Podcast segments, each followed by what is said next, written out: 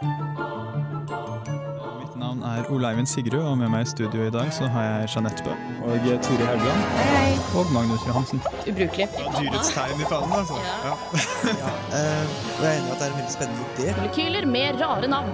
Populærvitenskap i labdidab. Du er en av dem. Uillustrert vitenskap.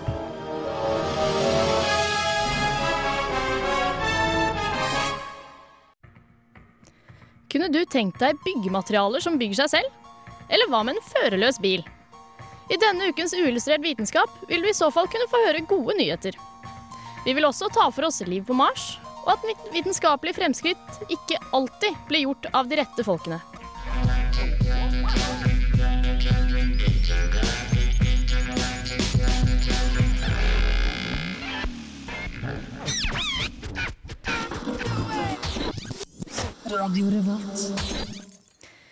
God ettermiddag.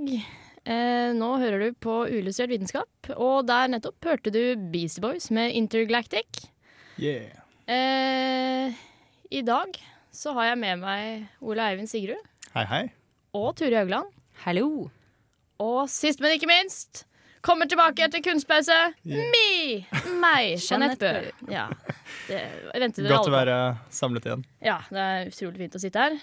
Eh, I fjor så var jeg i Venezia. Det var skikkelig stygt. Eh, så ut som de hadde gitt opp fordi stedet driver og synker. Og slutta å vaske og sånn, for de blir eh, alger overalt allikevel. Men eh, slaget er jo ikke tapt helt, eh, Ole Eivind. Nei, jeg eh, snublet over en eh, fin eh, artikkel i eh, vitenskap.dk om eh, en ja, veldig fin eh, løsning på det hele. Eh, litt lenger frem i fremtid, kanskje. Men eh, jeg tenkte jeg skulle lage en reportasje om det. Da. Og det har du gjort. Så flink som det er. Så den skal vi få høre etter Sofian Stevens med 'Enchanting Ghost'. Tell me what you saw in me, and I'll try to replicate it. Radio Revolt. Venezia er bygget på et tett nettverk av trepåler. Disse penetrerer myke lag av sand og gjørme til de når et hardere lag av komprimert leire. Ved å dirigere de største elvene inn i lagunen for 600 år siden, skapte venetserne en stadig dypere lagune rundt byen. Et utmerket forsvar mot landangrep. Byens fundament av trepåler er overraskende stabilt, så det var ikke før på 1900-tallet, da det ble dannet en rekke artesiske brønner i omkringliggende områder, at byen begynte å synke. Siden slike brønner ble forbudt på 60-tallet, har Venezia sunket langt mindre. Men byen er fortsatt truet av hyppige flommer. Utallige løsninger for å redde Venezia har blitt foreslått. Og den siste i rekken benytter seg av noe som kalles smart salatdressing. Målet er å danne et kunstig korallrev av kalksten rundt trepålene som holder byen oppe. Dette skal de oppnå ved hjelp av såkalte protoceller. En protocelle er en svært enkel organisme som består av en membran av fettsyrer fylt med uorganiske kjemikalier. Hvilke kjemikalier protocellen er fylt med, avgjør hvordan vi oppfører seg. På denne måten kan de programmeres på relativt enkelt vis. Protocellen som skal redde Venezia, skal ha to egenskaper. Den må kunne danne kalksten av forbindelser i miljøet den befinner seg i. Og siden man ikke ønsker at alle kanalene i byen skal bli veier av kalksten, må den søke seg vekk fra sollys og inn i mørket under bygningene. Dette er såkalt levende teknologi, som innehar noen, men ikke alle, egenskaper ved liv. Protocellene kan vokse og dele seg, og de kan benytte energi for å omgjøre kjemiske forbindelser. De har dog intet DNA eller arvestoff, og kan dermed ikke utvikle andre egenskaper enn dem de er programmert til å ha. Dette hindrer muligheten for økologiske kriser der protocellene får nye, uforutsette egenskaper og sprer seg til uønskede områder. Dette høres ut som science fiction. Hvor realistisk er dette egentlig? Selv om man skal behandle alle slike forslag med en sunn dose skepsis, virker det som dette vil la seg gjøre. På laboratoriet har de nemlig klart å danne protoceller som bygger kalksten, og andre celler som søker seg vekk fra lys. Begge disse egenskapene er relativt enkle å programmere. Å kombinere dem derimot blir langt vanskeligere. For jo mer kompleks kjemien i protocellen blir, dess mindre forutsigbar blir oppførselen. Now, this isn't going to happen tomorrow. It's going to take a while. It's going to take years of tuning and monitoring this technology in order for us to become ready to test it out on a case by case basis on the most damaged and stressed um, buildings within the city of Venice. But gradually, as the buildings are repaired, we will see the accretion of a limestone reef beneath the city. Nuclear reactors could provide power almost indefinitely. Greenhouses could maintain plant life. Animals could be bred and slaughtered. Uillustrert vitenskap. Ja, men Det var eh, flott, eh, Ole Eivind. Eh, Jeg hørte en, en, et kvinnemenneske på slutten der. Jeg Hørtes ganske pen ut. Er det en venninne av deg? Eh, nei, det er en person som heter Rachel Armstrong, som er med i dette prosjektet som kalles Future Venice. Eh, som da har som mål å ja, redde Venezia. Det er et samarbeidsprosjekt eh, over de akademiske grensene. Det er eh, eh, ja, både kjemikere og eh, arkitekter, og også kunstnere av en eller annen grunn. Og eh, andre eh, fagfelt da, som samarbeider her. Og hun er jo egentlig et sånt eh, gående eksempel på det, fordi hun er eh, science fiction-forfatter, lege, eh, og eh, underviser nå ved Bartlett School of Architecture i London. Oi. Av alle ting. Superkvinne. Så ja. Eh, spesiell bakgrunn i det. Men hvordan er det du setter i gang et sånt prosjekt? Nei, det er, eller ja, etter de har da klart å utvikle en sånn protocelle da, som har de ønskede egenskapene, og som klarer å gjøre det i eh, det miljøet de har i Venezia. Eh, det kommer jo til å ta en god stund til, men i hvert fall når de har de protocellene klare, så er det egentlig veldig enkelt. Det er bare å strø dem ut i kanalene. Men tar ikke det her utrolig lang tid å bygge opp hvis det skulle være et korallrev lignende? Tar Eh, ikke koraller utrolig lang tid å bygge opp? Jo, men disse protocellene de eh, er jo da ikke koraller, så de, så de gjør det jo eh, ganske mye raskere. Eh, Det er jo sånn at man eh, De protocellene som man har eh, hatt på laboratoriet, da, eh, som da har bygget kalksten, de, eh, de har gjort det sånn at man kan se at det blir gjort. Eh, Så man ser for seg at da, det blir jo større skala og dermed litt lengre tid, men det vil ikke ta altfor lang tid. Kanskje jeg skal kjøpe sånne som kan bygge mitt eget kalkslott? Og ikke bare er det eh, ufattelig enkelt og eh, genialt, men det er også svært bærekraftig. Eh, fordi den, ja, den samler jo energi, bruker energi fra solen, og så henter den inn eh, CO2 som den gjør om til kalk. Eh, så det er jo nesten et miljøtiltak der. Men kan du bruke det til noe annet enn å redde Venezia? Jeg har lyst til å bruke det til eh, ja, et slott. som Jeg og Turi vil ha et slott. Går det an? Eh, ja, nei, men de, de ser for seg andre bruksområder også, da. Eh, Venezia er bare et litt sånn kult eksempel de drar frem, eh, ja, fordi det er kult. Eh, mens man kan jo lage byggestener med eh, slike protoceller på overflaten, som da eh, henter ting fra luften, som den da bygger mer byggemateriale av. Eh, og dermed vil du da kanskje få, eh, få muligheten til å bygge hus som vedlikeholder seg selv, da. Som Ja. da ikke forfaller. Ikke dårlig hva de forskerne kan gjøre. Og Nei. redde, ikke minst. Ja, ja også Når jeg tenker på hvordan man kommer fram til noe sånt, så tenker jeg på åssen mennesker er det egentlig som kommer på sånne utrolige ting. Eh, og så er, er, finner man jo ofte folk som ikke komme på så ting som er hyggelige. Eh, Kommer på litt sånn feil ting. Har jeg funnet ut. De kommer på litt feil ting. Vitenskapsmenn er ikke alltid helt eh, 100 Nei, stort Eh, sett. Men ikke alltid. jeg har lyst til å gi dere en liten eh, smakebit på i hvert fall ti av de. Eh, følg med. Uillustrert vitenskap presenterer Gale vitenskapsmenn topp ti. Nummer ti. John Lilly, skaperen av isolasjonstanken. For å finne ut hva som skjer om hjernen ble isolert fra all ekstern stimuli, bygget John Lilly den første isolasjonstanken i 1954. Etter å ha ligget i varmt vann i totalt mørke og stillhet, begynte han å oppleve ville fantasier som han sa var for personlige til å offentliggjøres. Hallusinasjonene hos hans forsøkskaniner ble også for vanskelig å kategorisere vitenskapelig, noe som gjorde at forskningen hans ikke akkurat tok av. Lilly ble senere kjent som en New Age-guru. Nummer ni. Paracelsus. Paracelsus var en sveitser født i 1493 som skal ha laget bitte små mennesker laget av menneskedeler, hår og sperm.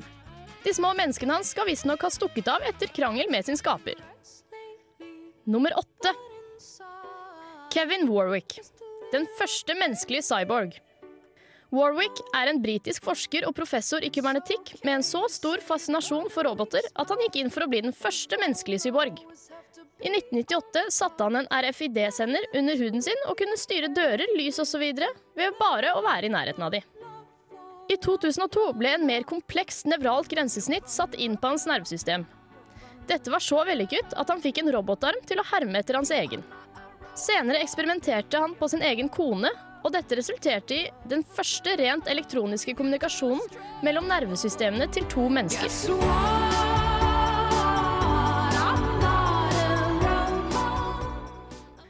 Nummer sju. Stubbins Firth. Firth var en lege fra Philadelphia som på 1800-tallet kom med hypotesen om at gulfeber ikke var en smittsom sykdom, så han begynte å teste det på seg selv. Han helte først infisert oppkast i åpne sår, for deretter å drikke det. Han ble ikke syk, men det var ikke fordi gulfeber ikke er smittsomt. Det ble jo senere funnet ut at sykdommen må bli gitt direkte inn i blodstrømmen, gjerne med myggstikk. Nummer seks. Johan Konrad Dippel. Dippel ble født i slottet Frankenstein i Tyskland i 1673 og studerte teologi, filosofi og alkymi. Han laget en olje av bein, blod og andre produkter fra dyr, som ble sagt at skulle være en ekvivalent til livets eliksir. Det ble sagt at arbeidet hans med menneskets anatomi skal ha involvert koking av store mengder kroppsdeler. Dippel har også forsøkt å flytte sjelen fra et lik til et annet. Vil du høre resten av de eh, ti gale vitenskapsmennene, må du følge med på Illustrert vitenskap, men først vil du få høre Shad med Rose Garden.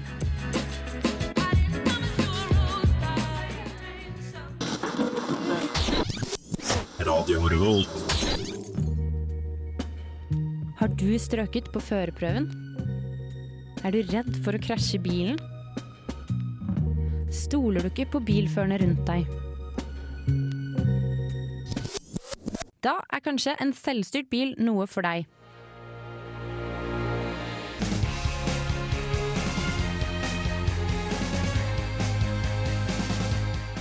Noen klarer ikke ta bilsertifikatet. Noen har ikke tid, og noen har rett og slett ikke motet til å sette seg bak rattet. Men frykt ikke, for fremtiden er selvkjørt.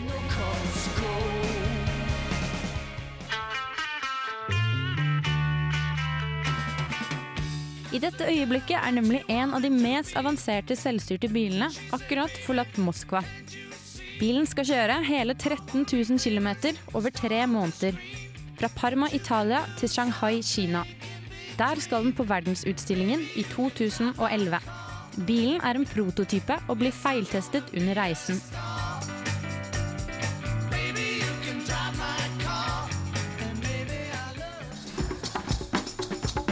Nå tenker du kanskje at hvis denne bilen ruller forbi deg, vil det ligne den selvkjørte bilen i iRobot.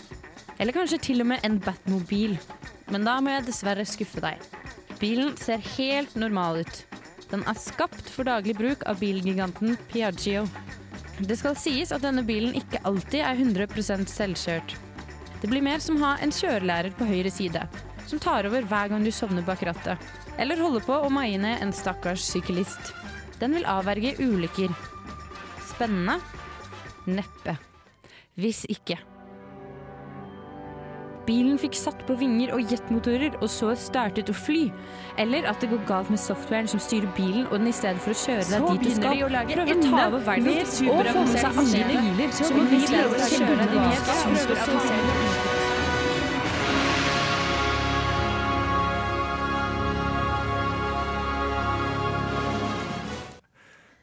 var eh, science fiction-fantasten Turi. Ja, det var så kjedelig bil! Så. Nei Men, men hva, hva skal vi med den bilen her? Jo, eh, vi som mennesker er jo utrolig lett distraherte, så vi er ikke gode nok kjørere, ifølge Piaggio. Så de prøver da å utvikle et eh, assisterende kjøresystem som da skal ta over hver gang vi sovner bak rattet. Dere vet. Eller eh, hver gang vi ser i speilet og holder på å kjøre på noen, skal den på en måte bare Oi, for å avverge da ulykker. Det er stort sett det. Men jeg tenker at vi kanskje kan bli slurvete, da. Fordi hvis du bytter bil Ja, jeg har en eh, selvkjørt bil, jeg. Så pleier jeg å ha Å nei, jeg må kjøre mamma sin bil ned til butikken. Og så er du vant til å bare kunne sove ned til butikken. Ja, jeg, Ja, det er sant. Jeg, jeg skjønner ikke helt hvordan den bilen, eller selvstyrte biler skal komme inn på markedet. da. Det må jo komme gradvis da etter hvert, og så eventuelt ta helt over. Men eh, jeg tror ikke de kan bytte sånn fram og tilbake. Men i hvert fall den bilen da, som holder på å kjøre fra Italia til Kina, den er jo den er på en måte selvstyrt hele veien, men du har alltid en pilot på en måte som sitter og følger med, sånn at den bilen Du kan overstyre eventuelle feil og sånn. Ja, ikke sant. Så du kan eh, overstyre manuelt, da. Og det skjedde jo da den skulle inn til Moskva, blant annet. Fordi denne bilen den har sensorer rundt seg. Så registrerer den på en måte mennesker og biler foran seg. Og så eh, blir alle denne informasjonen sendt inn da til en datamaskin som liksom bestemmer skal jeg bremse, skal jeg fortsette å kjøre, skal jeg svinge unna, osv. I tillegg så har den sensor som da liksom følger veimarkeringene, så bilen kjører på en måte etter veimarkeringene. Men eh, på vei inn til Moskva, der er det jo ingen som følger eh, markeringene på veisystemet. Nei da. Så istedenfor å følge to filer, så har du fire filer med biler oppå disse to filene, og folk som bare kjører offroad eh, egen stil. Så eh, da måtte de jo ta, ta over manuell. Eh, bruke manuell eh, styring. Ellers, ja. Kjempebra. Det er akkurat det jeg vil ha. Men her i Trondheim så er vi jo ikke helt ukjent med 100% førerløse biler. Det er sant. For Hvis dere husker for eh, et halvt år siden eller noe sånt, nå, så drev de og kjørte rundt på øya på noe, rett her ved Studentersamfunnet. Mhm. Eh, Da var det helt eh, førerløse biler som da skulle kjøre rundt der. da. Eh, Og dette er et eh, det var et prøveprosjekt, da, eh, fordi de skal iverksette disse eh, ved St. Olavs hospital. Fordi de har jo bygget ut, og nå er det et gigantisk område. Så å gå fra en bygning til en annen blir veldig langt. Så de har jo satt opp en sånn gratis elektrisk buss inne på området der, men den slutter jo å gå på kveldstid. Eh, Så da tenker de i fremtiden, forhåpentlig ikke sånn altfor lenge til, så vil de ha små førerløse biler som passer to personer. Eh, Kjører 30 km i timen, som da kjører bort, møter en kar, hopper han inn i den, og så kjører han dit eh, han skal. Ja. 30 km i timen. Ja. Det Men det blir er jo et veldig en lite eh, område, ja, selv om du- det er for stort for å være et lite sykehus, så er det jo ikke, det er ikke snakk om en times kjøretur. Nei, det blir snakk om egenkjøring utenfor trafikken. da. Eh, Ja. Så disse bilene som Piaggio lager, da, de er jo ment for De hadde veldig lyst til å teste hvordan en selvkjørt bil egentlig kan fungere i trafikken. Går det bra, går det dårlig og sånn. Mens de her er på en måte til et annen type bruk, da. Ja, det er ikke så mye trafikk der. Ja, og så er det veldig små, søte biler. Ligner på sånne små elektriske biler. Mm. Jeg må si jeg ser fram til de kommer på en førerløs bil som du kan gi instrukser til, og kjører selv ned på butikken og handler for deg, og kommer tilbake. En robot, altså. Eh, ja. Bare Ja, det er det jeg vil ha. Du kan få din egen transformer som liksom transformerer seg til en person som går inn i butikken, og så tilbake til bil, og så kjører den tilbake til deg med varene. Ja, det kan ikke være så langt unna det heller. Jeg kan ikke det. Jeg setter da pris på å kjøre selv, og kan ikke tenke meg å sette meg bak rattet, og så bare går den av seg selv. Og så. Ja, som sagt i reportasjen min, da, tenk hvis den plutselig tar over. At software-systemet som styrer bilen, tar over, og så kommer du deg ikke ut av bilen, f.eks. Ja, nei, jeg har sett dokumentaren eh, 2001, en romodyssé. Så jeg kommer til å, det kommer til å ta lang tid før jeg stoler helt på en maskin. Nå tror jeg vi skal høre The Beaudus Band med Unbroken Unshaven.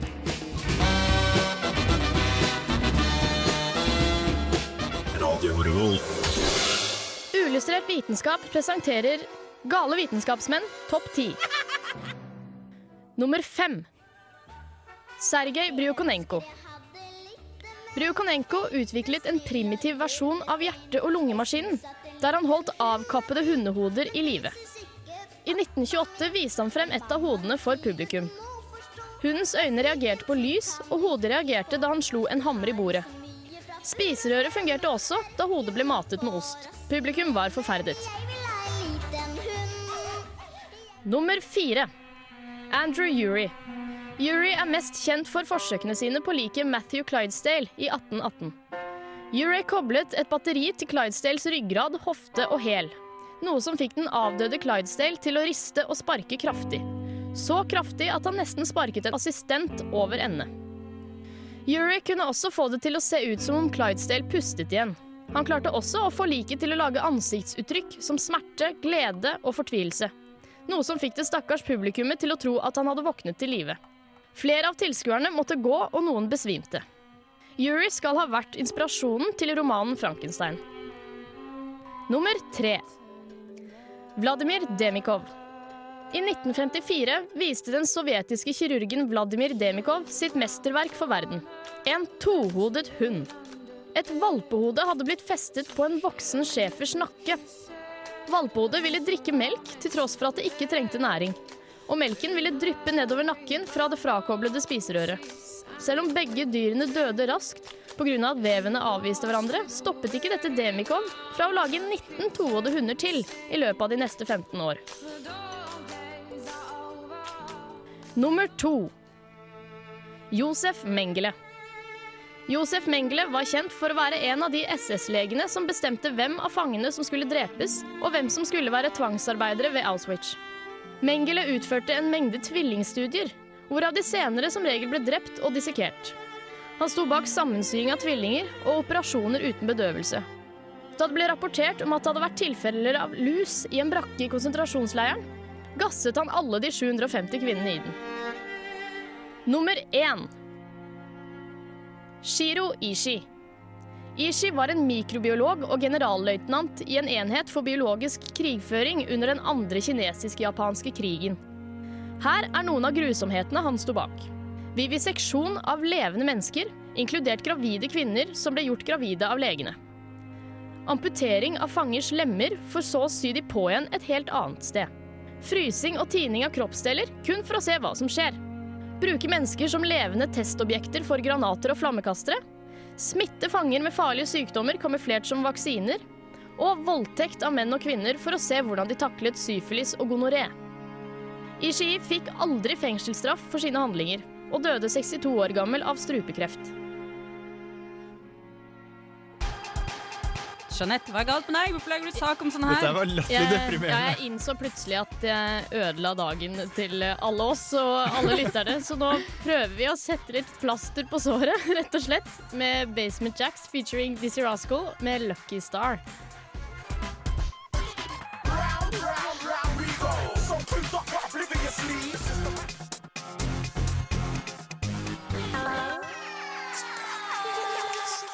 And now for something completely different.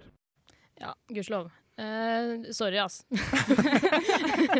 Fy skam, det er sol ute, flott vær. Men Ja, jeg må beklage i topp fire der. Det var ikke noe særlig. ja, det var skikkelig trist. Jeg holdt på å begynne å gråte. Spesielt Ja, ja, ja. da Det var ikke bare gale kom. forskere, det var onde forskere. Det var onde, rett og slett, de siste der. Jeg måtte, jeg måtte nesten ta det med. Uh, men ja, Uh, jeg lovte jo å snakke om liv på Mars. Ja. Eller jeg, jeg gidder ikke å gjøre det, men uh, Ole Eivind, du kan gjøre det. Ja, eh, fordi man hadde jo eh, utelukket eh, at det fantes organiske forbindelser på Mars, sånn nesten, ved Viking-oppdragene i 1976. Men nå er det noe som tyder på at nei, det, det kan vi ikke konkludere med, da. Fordi ja, hvis vi forteller litt om Viking-oppdragene. Det var jo i 1976. Den tok noen jordprøver og analyserte dem. Og konklusjonen ble at nei, her var det ingen organiske forbindelser. Men så hadde man eh, Phoenix-landeren eh, i 2008. Eh, Den analyserte også jorden og fant ut at den mest utbredte klorforbindelsen var perklorat, og istedenfor da sånne kloridsalter da, som man hadde antatt. Dette høres kanskje litt rart ut, men det er ganske viktig, fordi perklorat ved høy temperatur den bryter ned organiske forbindelser. Eh, Og eh, den analysemetoden Viking brukte, var er den eh, besto av da å varme opp jordprøven til sånn mellom 200 og 500 grader. Og da hvis det var noen organiske forbindelser, så ville det bli brutt ned til klormetan og diklormetan. Og klormetan og diklormetan, det fant de. Men de tenkte at det var sikkert forurensninger, fordi det blir brukt i rensemidler og eksplosiver og litt sånt. Ah, feil. Eh, Men så så nå var det da, eh, basert på det funnet til Phoenix, da, så var det noen forskere som eh, tok jordprøver fra en ørken i Chile, som man antar har litt sånn likt jordsmonn, men man vet har organiske forbindelser. Og så analyserte de dem da på litt sånn samme måte som Viking gjorde. Og hva var det de fant? Jo, de fikk eh, klormetan, diklormetan, men eh, praktisk talt ikke noe annet av organiske forbindelser, fordi de blir jo brutt ned. Så de etterlignet Så- da den prosessen ja. de mente skjedde på vikingekspedisjonen. Mm, så det de mener da er at eh, konklusjonen må jo bli at eh, Viking faktisk fant noen organiske forbindelser, men at vi ikke skjønte det der og da. Eh, men så kommer jo det litt sånn kjipe, da, de, alle forholdene man må ta. da. Det for det første så kan man jo ikke si helt sikkert at den ørkenen eh, i Chile har likt jordsmonn. Det kan hende den inneholder noen, andre greier som fører til at eh, eh, den reaksjonen vil bli litt forskjellig. Eh, det andre er at det at man finner organiske forbindelser på Mars, betyr jo ikke at det var liv der. Men det er mulig at det har vært. Ja. Men det kan. Det kan ha vært, men det kan også bare ha kommet av ved, ja, asteroider, komi- eh, kometer osv. Ja. Som folk kanskje vet, så er det jo rett og slett ekstremtilstander på Mars. Det er ikke så veldig mange liv som kan leve der. Men grunnen til at man gjerne trodde det, var jo på grunn av at det er spor etter at det f.eks. har eh, vært en våt planet. Nå er det jo en iskald, ørkenlignende planet, men det har vært spor etter elver og hav, rett og slett. Og eh, vi som eh, lever i håpet da, om at eh, vi finner tegn på at det har vært liv på Mars, vi kan jo glede oss eh, som bare det til november i 2011, fordi da blir eh, det oppskytning av Curiosity-roveren, som den heter. Eh, Nysgjerrighetsroveren. Ja. Den skal da også undersøke jordsmonnet, men da ved hjelp av væske istedenfor å varme det opp eh, til sånn høy temperatur, så da vil ikke perklorat fucke opp ting. nå. Ja, Så det blir ikke like varmt da, inni når de sender analyser. Men vi får vel ikke svarene på det før i 2012? Eller den Ja, kommer, vel, eh, kommer vel ikke fram før da, Ja. i 2012. Men det er mars, da. Ja, så spørs om vi lever da. Når, Det eh, spørs. Det, Det er jo ikke sikkert. Det årsskiftet der blir litt spennende. Blir som i 1999-2000. Er Sånn. ja, som egentlig ikke var så spennende likevel. Nei! Som oftest er det jo ikke det. Eh, jeg tipper eh, det passer veldig fint nå med litt elektronisk eh, jazzfunk fra Vestfold. Eh, Yeah. det her er Proviant Audio med 'No One By My Side'.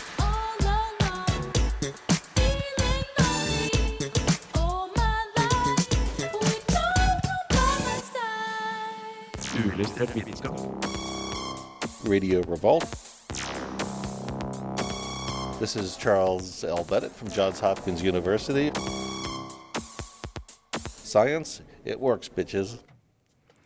Ja, og apropos eh, det vi akkurat hørte, det er konsert. Ja, på lørdag så spiller en annen sånn 18-åring eller noe sånt noe fra, uh, fra Eller Vestfold. noe sånt noe. Jeg husker ikke nøyaktig hvor gammel han er, men han er veldig ung. Er fra Vestfold, har spilt med Proviant Audio, heter eh, Shimmering når han spiller musikk. Han eh, spiller litt sånn lignende musikk også. Spiller på Samfunnet på lørdag. Ja, Og det er vel eh, gratis konsert også, er det ikke? Jo, eller det er inkludert i inngang, så alle som er medlem av Samfunnet, er det gratis for. Woohoo! Hurra. Yeah. Bli medlem, da, med andre ord. Mm. Eh, vi nærmer oss eh, slutten av sendinga, dessverre. Eh, Ja. Men neste uke, eh, folkens, da er det rett og slett homouke. Yeah. Og det skal vi feire. Med, med glitter og, og stas. Ja. Og regnbuer. Yes. Nei, det blir jo eh, veldig bra. Vi kommer jo da antagelig til å ta en eh, litt mer naturvitenskapelig vinkling på det hele. Ja, Men vi skal feire det, da, selvsagt. Men uh, vi må jo pynte opp studio og lage litt skeiv stemning, må vi ikke? Jo. Ja. Liksom, uh, ja. Men, men, men hvordan pynter man ting homo? Jeg, hvis uh, homofile syns ikke jeg pynta seg Pynter seg ikke med homoting. Hva er en homopynt? Glitter og, eh, og regnbuefargede flagg. Altså Nå går jeg ut ifra sånn kjærlighetsfestivalen i Berlin og sånn type ting. da Litt uh, Ja. I neonlys og med og at vi er et litt sånn vitenskapelig program, så er det kanskje litt viktig å ikke falle ned i stereotyper, da. Ja, det, det er viktig. Så ja. Men, men eh, ja, glitter og stas er Ok, jo da for Vi så skal ha et utstoppet dyr i hjørnet, men det er det eneste. Utstoppet dyr Ja, i Vi hjørnet. er så vitenskapelige. Ja. Kan Ja. ha utstoppet pingvin med rosa skjerf. Det hadde de på utstillingen på Zoologisk museum om homoseksualitet i dyreriket.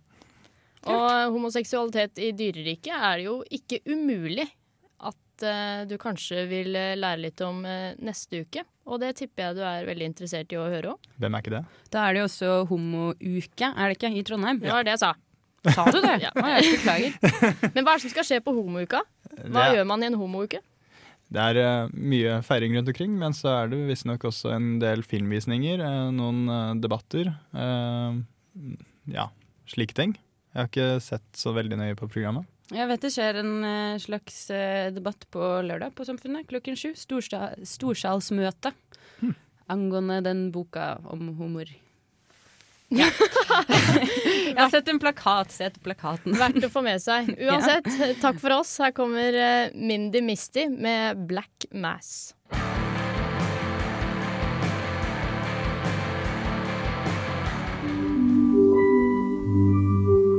Uillustrert vitenskap er Midt-Norges eneste teknologimagasin på lokalradio. Og vi snakker om alt fra populærvitenskap til sære forskningsprosjekt ved NTNU. Radio Revolt, studentradioen i Trondheim, er stolt av å kunne presentere podkaster fra de aller mest populære programmene våre. Hvis du har lyst til å høre mer fra Radio Revolt, hvem vi er og hva slags musikk vi spiller, så kan du høre oss på FM-båndet i Trondheimsregionen, eller streame sendingene våre live på radiorevolt.no. Thank you.